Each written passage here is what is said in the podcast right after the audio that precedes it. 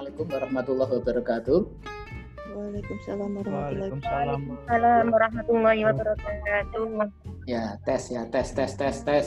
Masih ada Tes. beberapa orang di waiting room. Ini iPhone padahal dari tadi iPhone ini nggak masuk-masuk ini.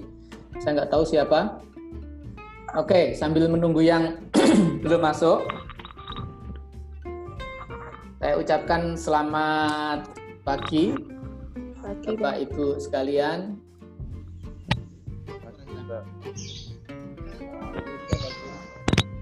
Apa kabar semuanya? Alhamdulillah baik. Alhamdulillah baik. Alhamdulillah baik Pak.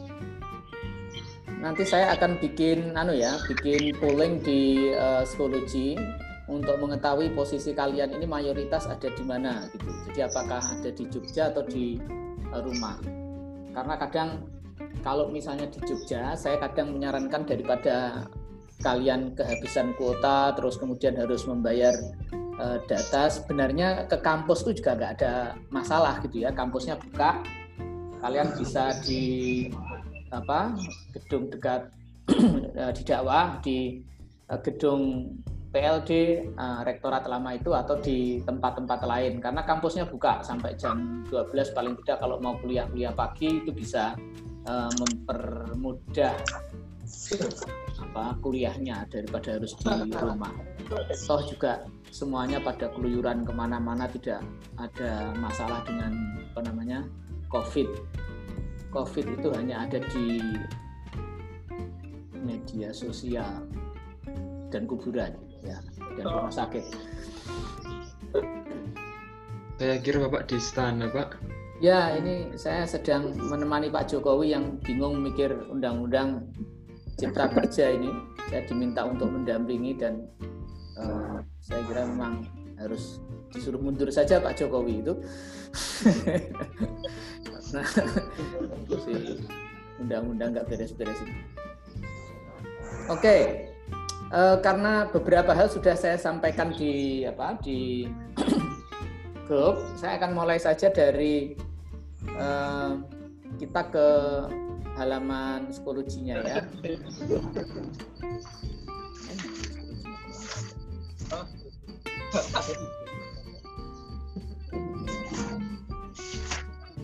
Psikologi ya.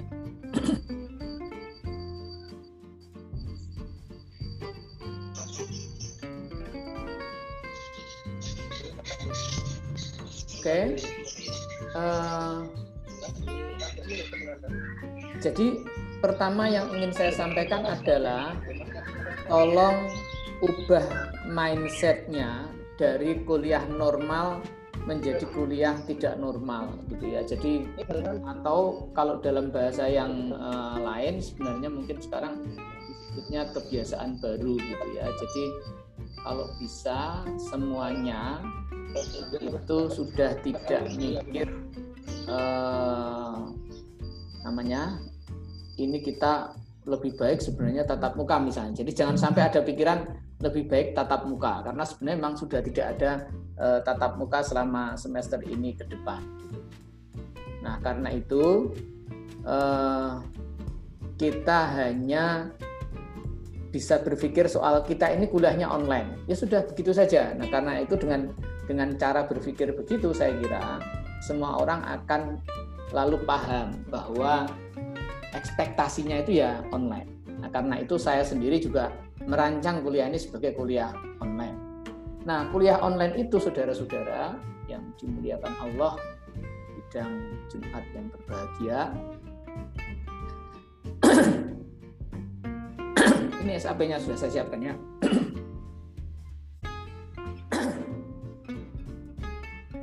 Maaf ini batuk-batuk terus karena karena uh, ikut bersedih dengan skor telak 6172 itu. Nah, jadi saya membayangkan ya kuliah kita ini kuliah seperti ini gitu ya, bahwa kuliah ini adalah kuliah yang memang sepenuhnya uh, online gitu. Ini saya kok sebenarnya terganggu juga kalau ada yang login login terus begini. Oke, ini karena sudah 13 menit saya tidak akan eh, menerima lagi yang masuk ya biar nanti nonton saja di YouTube kalau misalnya perlu eh, masuk lagi. Nah, jadi kita kuliahnya sepenuhnya online dan karena itu desainnya adalah desain kuliah online. Ada hal yang saya anggap penting sebenarnya. Apa yang saya tulis di sini, nanti saya bagikan ini SAP-nya, adalah kewajiban saya sebagai dosen untuk membuat SAP. Ya. Jadi ini semata-mata bagaimana saya harus menyiapkan mata kuliah. Tetapi bagaimana nanti kuliah berjalan, saya ingin Anda sendiri yang nanti eh, berpikir. Saya mau belajar seperti apa dan saya harus belajar bagaimana. Jadi saya akan meminta Anda nanti untuk mendesain kuliah Anda sebaik-baiknya, bagaimana caranya untuk bisa mencapai tujuan-tujuan pembelajaran kita. Jadi ini saya buat form capaian pembelajaran khusus. Di sini saya hanya memberikan contohnya saja sebenarnya ya. Nanti Anda sendiri yang mengisi ulang eh, kolom-kolom ini. Di kolom-kolom ini terutama yang bagian uh, dua kolom kanan, ini nanti Anda sendiri yang e, merevisinya dicocokkan dengan kebutuhan Anda gitu ya. Oke. Jadi seperti Anda lihat di kolom satu ini mata kuliah kita ini pada dasarnya belajar empat hal. Jadi setelah Anda lulus mata kuliah ini, empat hal ini diharapkan bisa dipahami.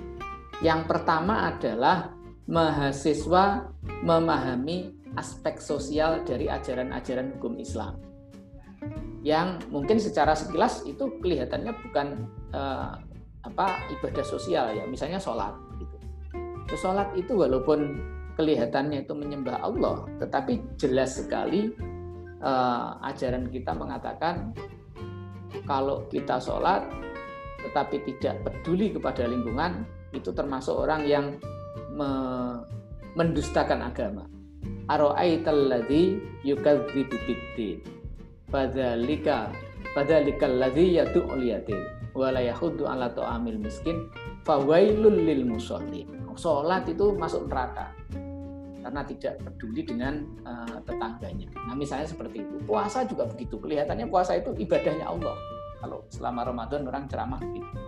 Nah, karena itu aspek-aspek itu yang akan kita tekankan. Nah, jadi bagaimana sebenarnya ajaran agama itu sesungguhnya mempunyai pesan-pesan sosial.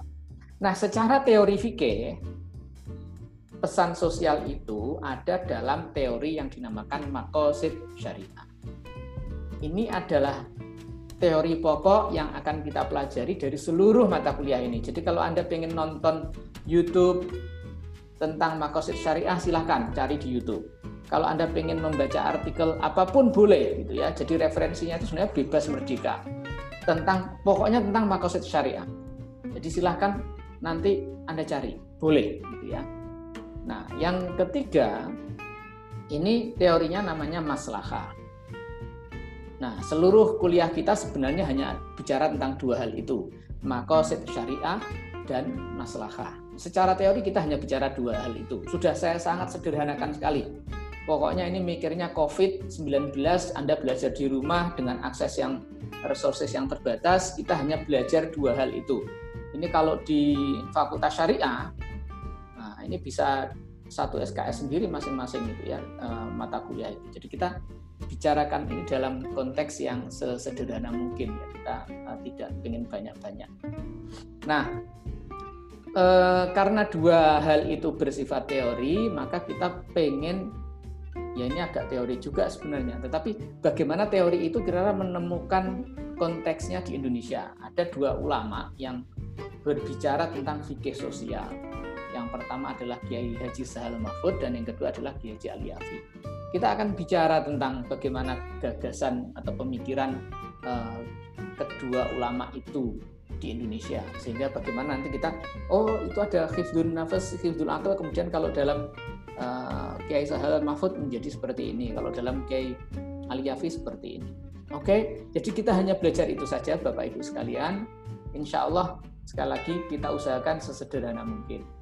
Materinya hanya menyangkut eh, empat hal pokok ini.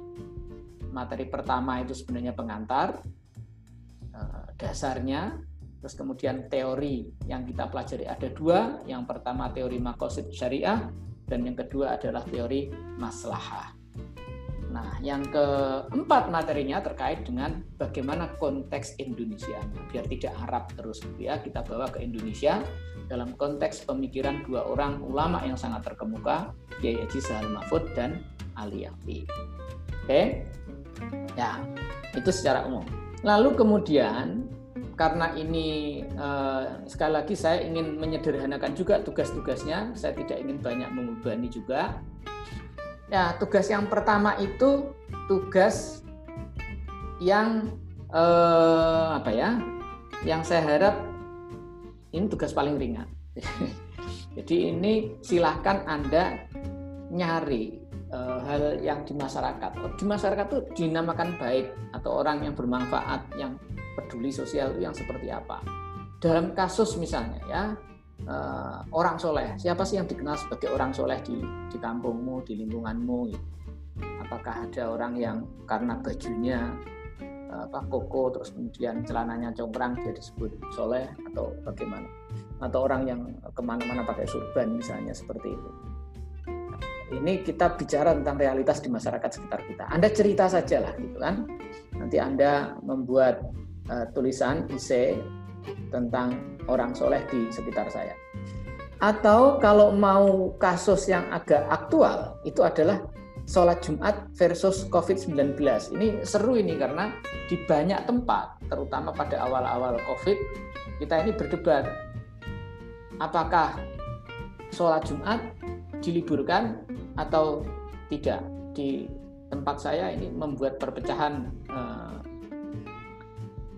perpecahan dan perbedaan pendapat gitu ya. Sampai sekarang saya sendiri itu belum sholat Jumat.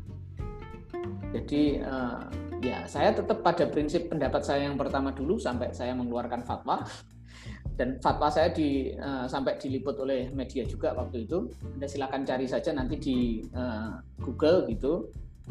Um, pandangan dosen UIN tentang uh, sholat Jumat pada saat COVID atau apa gitu. Nanti insya Allah ada beberapa liputan uh, pendapat saya tentang keharusan menghentikan sholat Jumat untuk kepentingan mencegah penyebaran eh, COVID-19. Nah, itu salah satu contoh. Apakah ketika kita bertemu antara dua kepentingan, kesehatan masyarakat melawan ibadah yang bernama sholat Jumat, mana yang harus didahulukan? Ya, nanti di teori itu yang makosid syariah Nah, kita bicara tentang itu gitu ya. Jadi ini ada teorinya sebenarnya kenapa saya tidak Jumatan, itu ada teorinya. Nah, eh, Anda nggak perlu repot-repot apa mengkaji teorinya. Anda cukup cerita saja lah bagaimana keadaan di lingkunganmu, diceritakan. Nah, ini cukup cerita pengalaman sehari-hari di lingkungan kalian. Nah, untuk pengganti UTS-nya, ya, jadi tugasnya cuma sekali itu saja. Terus kemudian setelah itu kita langsung UTS. enak kan? Nah, UTS-nya apa? UTS-nya itu adalah sama ya. Nanti Anda bicara tentang e, membuat isi lagi tentang lima makosid itu. Di lima makosid itu adalah hifdun nafas menjaga jiwa, hifdul akal menjaga akal, kemudian hifduddin menjaga agama, hifdul mal menjaga harta, hifdun nasl menjaga keturunan. Itu teori dasarnya. Nah nanti masing-masing orang saya kasih tema itu berdasarkan absennya, nomor urut absen 1 sampai 8 membahas tema menjaga uh, akal itu.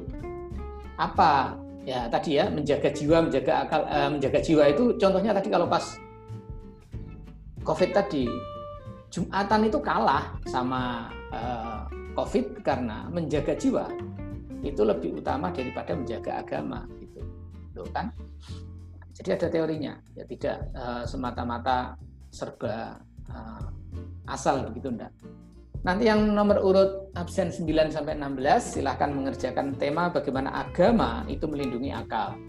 Jadi misalnya demokrasi, nah, itu demokrasi itu apa sih?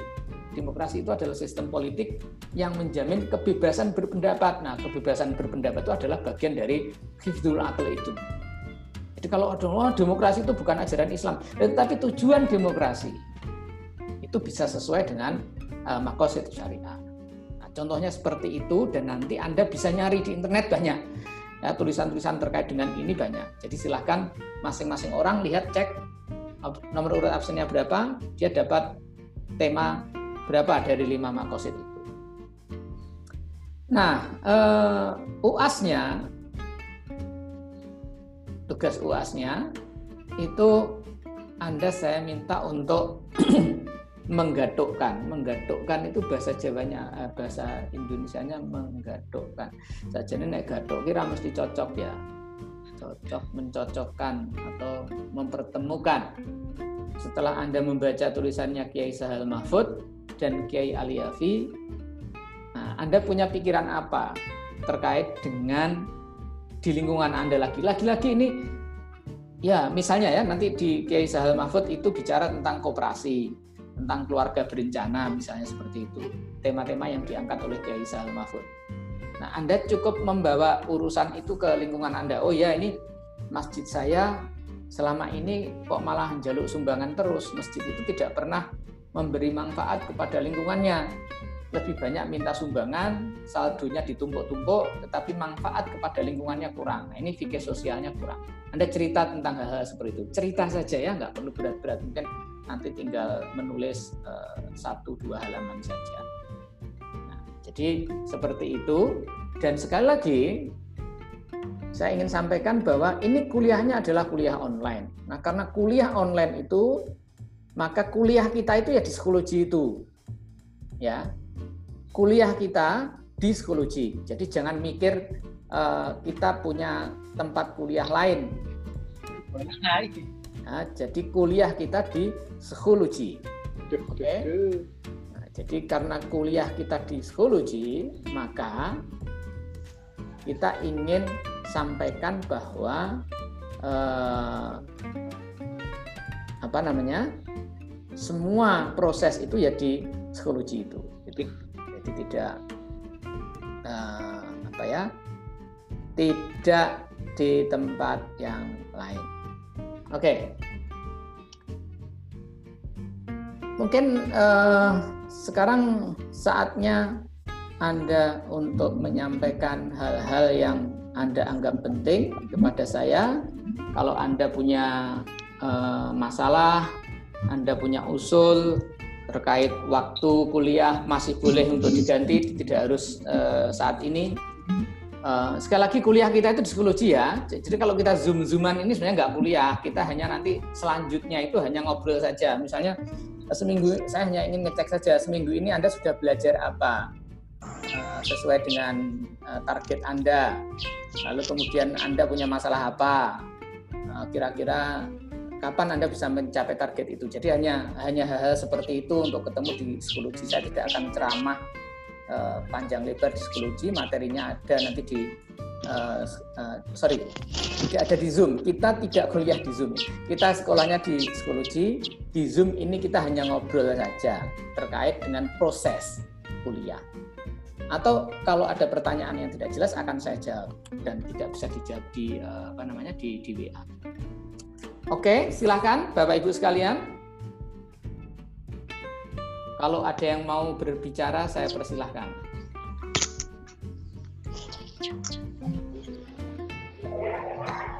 Kalau ada yang tidak jelas, mau berbicara, silahkan.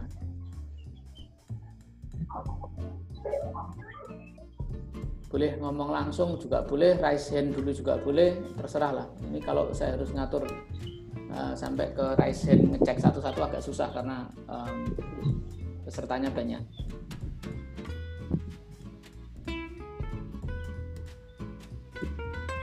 Sudah tidak ada pertanyaan ya kita tutup kuliahnya gitu aja. Jadi uh, saya nggak mau repot-repot kok. Jadi ngapain menghabiskan kuota terus anda mek meneng wae nyawang aku ngono kaya Silahkan. Adi Yusuf silahkan.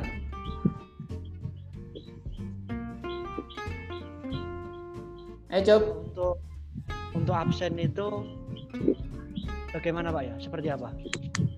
Menurutmu seperti apa enaknya, wes? Aku manut ah. Enggak, Pak. Cuma tanya kan kita belum dapat absen juga. Oh iya, absen itu penting. Kuliah online itu sebenarnya absen itu tidak penting. Itu aneh sebenarnya. Sama seperti sekarang itu pegawai negeri disuruh apa namanya absen tiap hari. Nah, tetapi orangnya di rumah, tidak absen work from home. Nah, kalau dosen itu disuruh absen dari jam 7.30 sampai jam 4. Nah, padahal kita kerjanya ngeladeni kowe-kowe sampai wengi wow, ya ora gunane juga. Sebenarnya absen kita itu absen basa-basi. Nah, kalau kita sudah kuliah online, ya tidak perlu lagi absen. Jadi itu apa? Absen itu kan hanya anu ya, absen itu kan hanya ukuran, salah satu ukuran bahwa Anda terlibat di kuliah. Nah, absen itu digunakan ketika kita tatap muka. Nah, kalau kita nggak tatap muka, bro, ngapain juga kita itu harus ngurusi absen. Jadi Anda selama bisa mengerjakan eh, mencapai target pembelajaran khusus yang tadi sudah saya sharing, ya itu sudah cukup. Atau kamu pengen absen? Saya manut saja saya. Enggak Pak, cuma tanya. Oh tanya, Kan tanya jadi karo nuntut absen Nuntut, gitu kan. ya nuntut ya tak ladeni nek ora ya ngono to.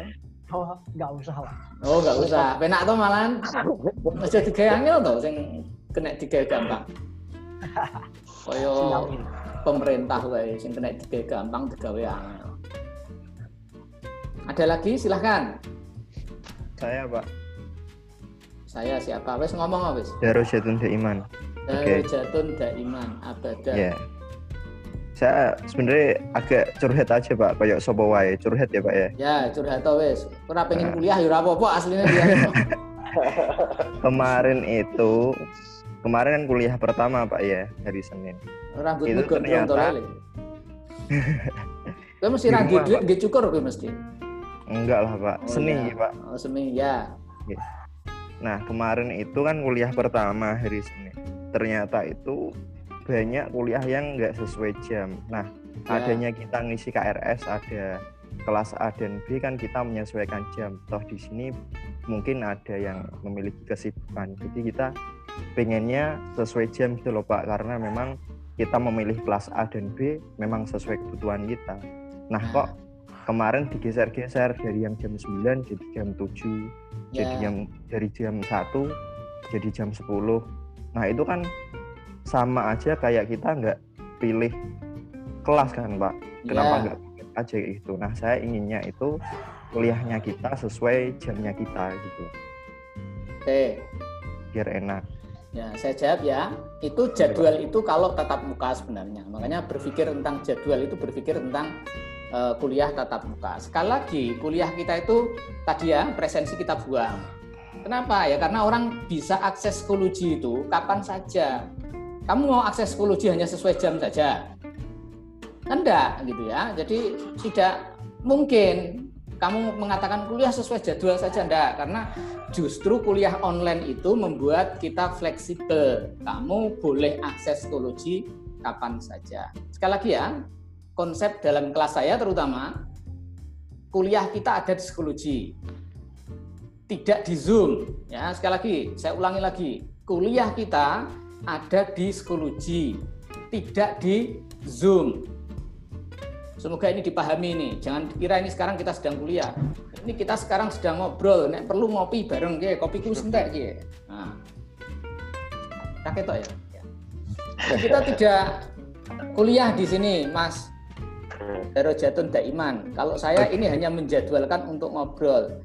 Nah, kapan kita bisa ngobrol? Kalau misalnya kamu keberatan jam ini, ya nggak apa-apa kita ganti. Nanti malam po, jam 9 misalnya. Atau besok malam nggak apa-apa. Ini fleksibel saja saya. Saya tidak, ini bukan untuk menjadwal kuliah. Sekali lagi kita tidak punya jadwal kuliah sebenarnya. Saya hanya buka warung namanya Zoom. Kalau ada yang pengen ngobrol di warung saya pada jam itu silahkan. Orang teko ya ora apa-apa, kowe ra butuh online itu sebenarnya juga enggak apa-apa saya gitu kan karena kuliah kita di psikologi tidak di Zoom. Piye nek ngono piye nek ngono?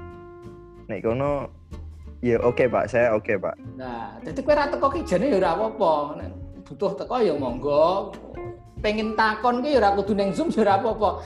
Pak saya tanyanya lewat WA saja nggak perlu zoom-zooman ngetek-ngetek paket ya wes karepmu ora apa gitu kan tapi kalau oke. pertanyaanmu di WA dan saya tidak bisa menjawab secara tag ngetik itu karena doa dan mungkin tak jawab nanti di zoom itu berarti maksa saya ikut zoom enggak kamu bisa nonton nanti di YouTube jawaban yang kamu titipkan di WA saya jawab di zoom kamu tidak bisa ikut zoom kamu bisa nonton di YouTube Iya, Oke oke Pak. setuju? Kalau terkait setuju kalau terkait kuliah Bapak saya setuju gitu. Wes. Kemarin Nah, itu kan karena mungkin terkait kuliah dosen yang lain. Nah, kuliah dosen lain kandhanono, Pak. Lek kuliah kaya Pak Adip ngono misalnya gitu kandhani.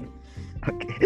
Saya tidak percaya kita itu butuh eh, apa ya, butuh kaku-kaku dalam konteks kuliah online itu ya. Em, itu cara berpikir kuliah offline sebenarnya yang kaku-kaku begitu. Kalau saya sih sebenarnya buat santai saja. Itu nanti kalau misalnya minggu depan kita nggak perlu zoom-zooman ya ora apa-apa. Ini yang penting Pak besok libur aja nggak usah zoom, mas ora apa-apa aku manut wae. Eh, semuanya sudah tadi sekali lagi yang penting itu ya sekali lagi yang penting saya ingin sampaikan agar eh, Bapak Ibu sekalian tidak lupa yang terpenting eh, dari semuanya itu adalah Bapak Ibu paham betul soal ini ya empat hal ini. Oke, ini target kita. Nah, se- semuanya sudah tua-tua, sudah dewasa. Ya, sudah ada yang pengen segera menikah. Juga Hmm, ya. Jadi ini empat hal ini yang penting. Kowe pokoknya rampung kuliah kita itu mengerti teori makosid syariah, mengerti teori maslahah, mengerti bagaimana teori itu digunakan dalam pemikiran Kiai Sahal Mahfud dan Kiai Ali Yafi. Gitu. Eh, cuman itu aja. Nah, cara mencapainya itu bagaimana? Lah monggo terserah masing-masing orang. Katanya kampus merdeka gitu kan. Jadi ya merdeka kita mau ke- wae terserah. Jadi terserah Anda bagaimana cara mencapainya, ya. Nah, makanya ini proses-proses di Zoom itu pada dasarnya hanya digunakan sebagai penunjang apabila Bapak Ibu sekalian mungkin memerlukan bertanya hal-hal yang perlu ditanyakan terkait dengan mencapai empat hal tadi. Nanti kalau saya nggak bisa jawab, saya tanya sama Bu Sri Mulyani di belakang saya biar beliau yang jawab. Misalnya gitu. Anggaran kuota, nah dia yang pikir. Nah, nah, saya, Pak, ini udah luar. Nanti saya laporkan ke dia. Dia senyum-senyum aja di belakang dari tadi. Kok dari tadi nggak ada yang minta kuota. Ya, jadi nah, itu. Nanti kalau ada masalah dengan eh, Zoom, nah nanti biar Menteri Luar Negeri yang ngurusi kan Zoom kantornya di Amerika. Jadi nanti bisa Marsudi ini yang eh, eh, ngurusi. Gitu. Nah, kalau dua orang itu nggak bisa menyelesaikan, nanti saya lapor ke presiden. Ini kan kursinya presiden yang saya pakai ini kan. Ya. Oke, ada lagi silahkan. Izin tanya. tanya, Pak. Ada. Oh, Ya, siapa? Silakan.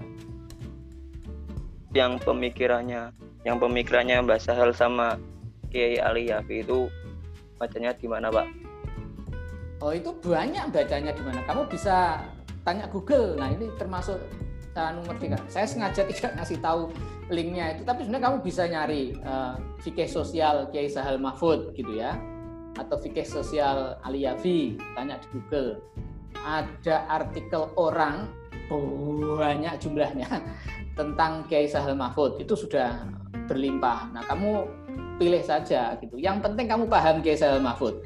Kalau kamu pengen langsung baca bukunya di toko buku online itu juga banyak saya tidak mau bilang bajakannya ada nanti saya ikut berdosa ya tapi memang bacaan apa namanya eh, PDF-nya juga ada saya nggak tapi saya nggak nunjukkan lah kamu kalau misalnya mau berdosa dosa dewi ra ngajak-ngajak ora kok minta dosenmu untuk mengajak berdosa gitu ya.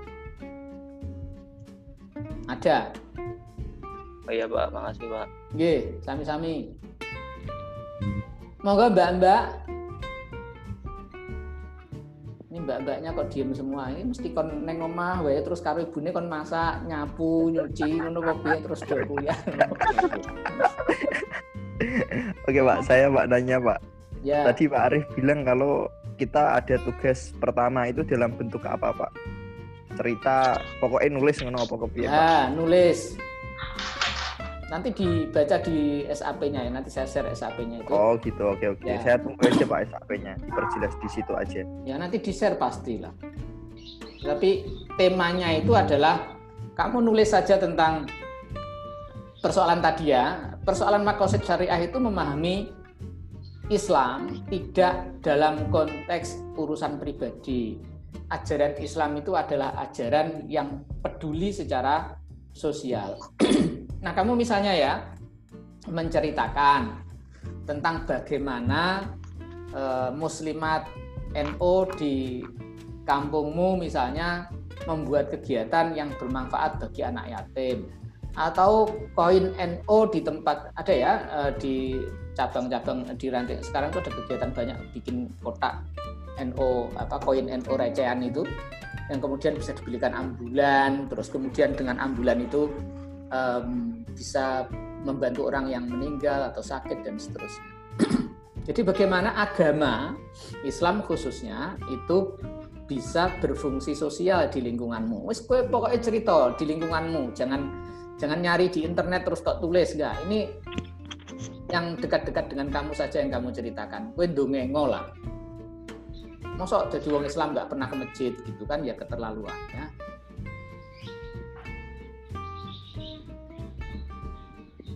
Siapa lagi yang mau ngomong silahkan. Kita masih ada kuota 5 menit. Ini bisa dipakai satu jam, tapi saya sudah menjanjikan 40 menit ya. Pak, suara saya kedengeran nggak? Kedengeran, kedengeran, kakak. Silakan kakak. Ya, tadi saya nanya, nanya Pak, eh, itu udah ada di chat. Eh, saya mau nanya untuk matkul fikih sosial ini ada versi podcastnya nggak ya Pak? Kayak matkul Bapak sebelumnya. Oh Atau iya, boleh. di- Nanti yang versi YouTube akan saya kasih eh, upload yang versi podcastnya. Oh itu cuma upload versi audio saja. Yang di versi YouTube berarti versi audio Pak. Versi YouTube versi komplit kan, video audio. Terus kemudian nanti Iya. yang podcast versi audionya bisa. Berarti nanti ada ya Pak? Bisa ya. Kalau kamu minta bisa. Apa sih yang nggak ada? Bisa. Oke Pak, ditunggu. Terima kasih. Ya. Monggo, silahkan lagi yang lain.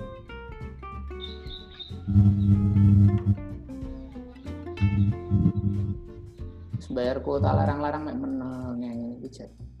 Kandake bapakmu nggo. Iki lho Pak, anakmu mek ndelok wae. Oh, Kuliah kok mek nonton.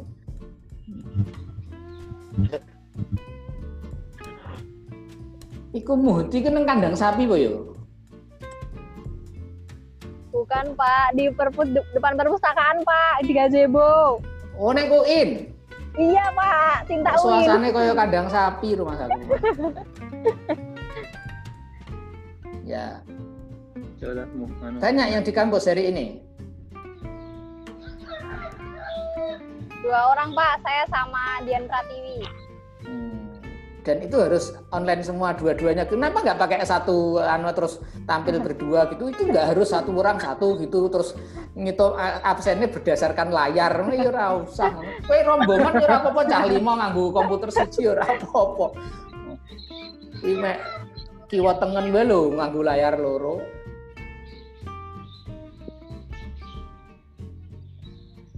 Saya nggak mencatat, nggak mencatat presensinya. Silahkan kalau misalnya mau satu monitor dipakai 10 orang ya nggak apa-apa lah. Misalnya yang Gunung Kidul ngelumpuk neng Wonosari cedak rumah sakit janjian. Nah terus ya bertanya silakan.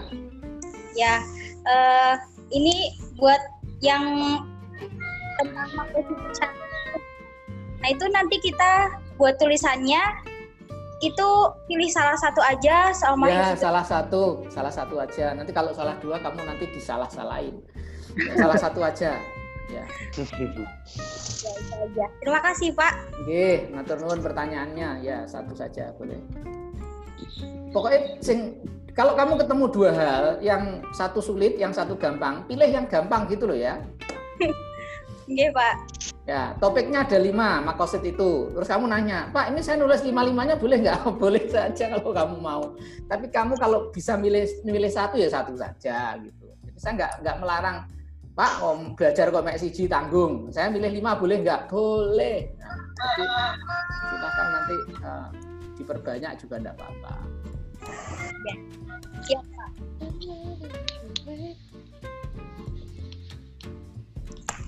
Ini yang yang ditunggu nih bapak ibu enggak coba anu monitornya diputar kiri kanan saya ingin tahu ada yang nggak ditunggu nih sama bapak ibu gitu. Enggak, Pak. Nggak ada. Ya ada Pak. Oh iya.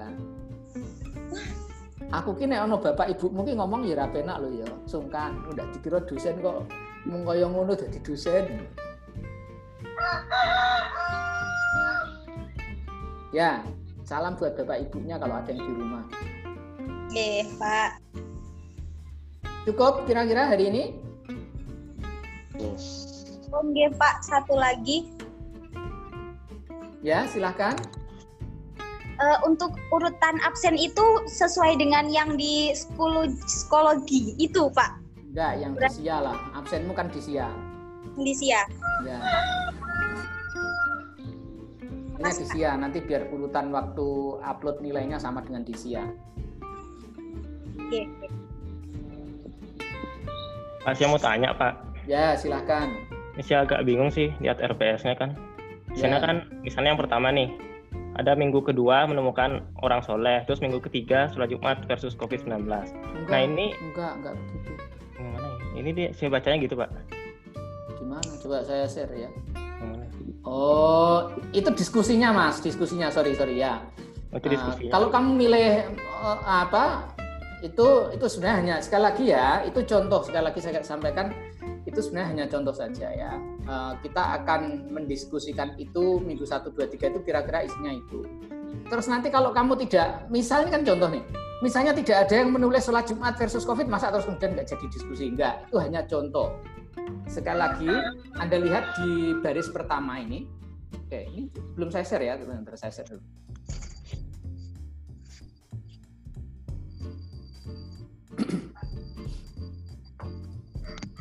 Anda lihat di baris pertama atas sendiri capaian pembelajaran khusus CPK dirumuskan oleh mahasiswa. Jadi nanti kamu yang bikin itu yang eh, apa yang di situ itu artinya berdasarkan kamu sendiri pengen apa diskusinya pada minggu-minggu itu. Oh, Kalau kamu pengen ngobrol serius tentang hifdun nafas pada minggu keempat, nah kamu ikut eh, menyampaikan gagasanmu itu pada minggu keempat, kelima, keenam dan seterusnya, gitu ya.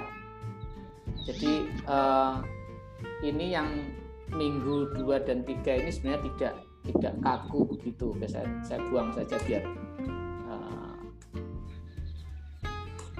nanti kita ngobrolnya sesuai dengan makalahmu ya.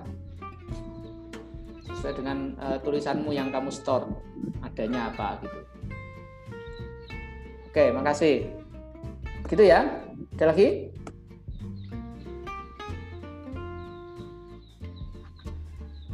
Pak itu berarti tanya Pak.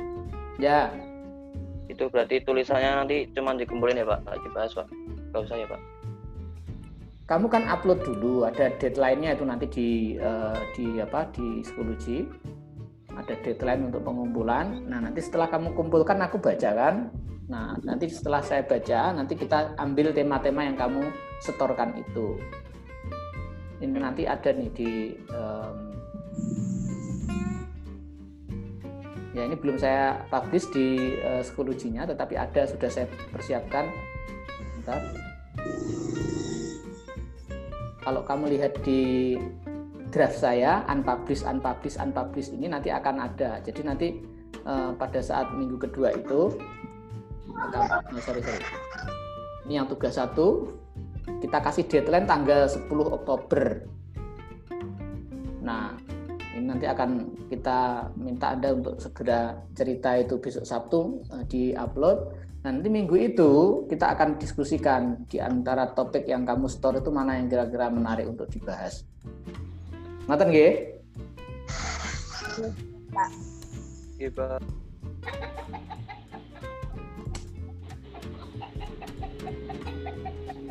Cukup? Kalau harinya berarti gimana? Kalau misalnya minggu depan hari apa begitu nanti eh, kita fleksibel ya. Tapi kalau misalnya Anda tidak keberatan hari ini, nah kita gunakan hari ini. Tapi kalau misalnya minta digeser di hari lain, ya silahkan. Sekali lagi ini juga Zoom ini tidak wajib sifatnya. Jadi kalau misalnya kamu merasa tidak eh, bisa hadir karena hal yang lebih penting ya silahkan. Ya, jagonya seluruh itu ini berarti.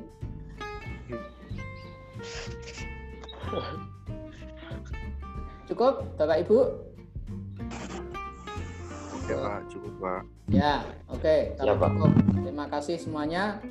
Eh, sampai jumpa minggu depan untuk zoom-zooman lagi, sekedar untuk ngobrol saja ya.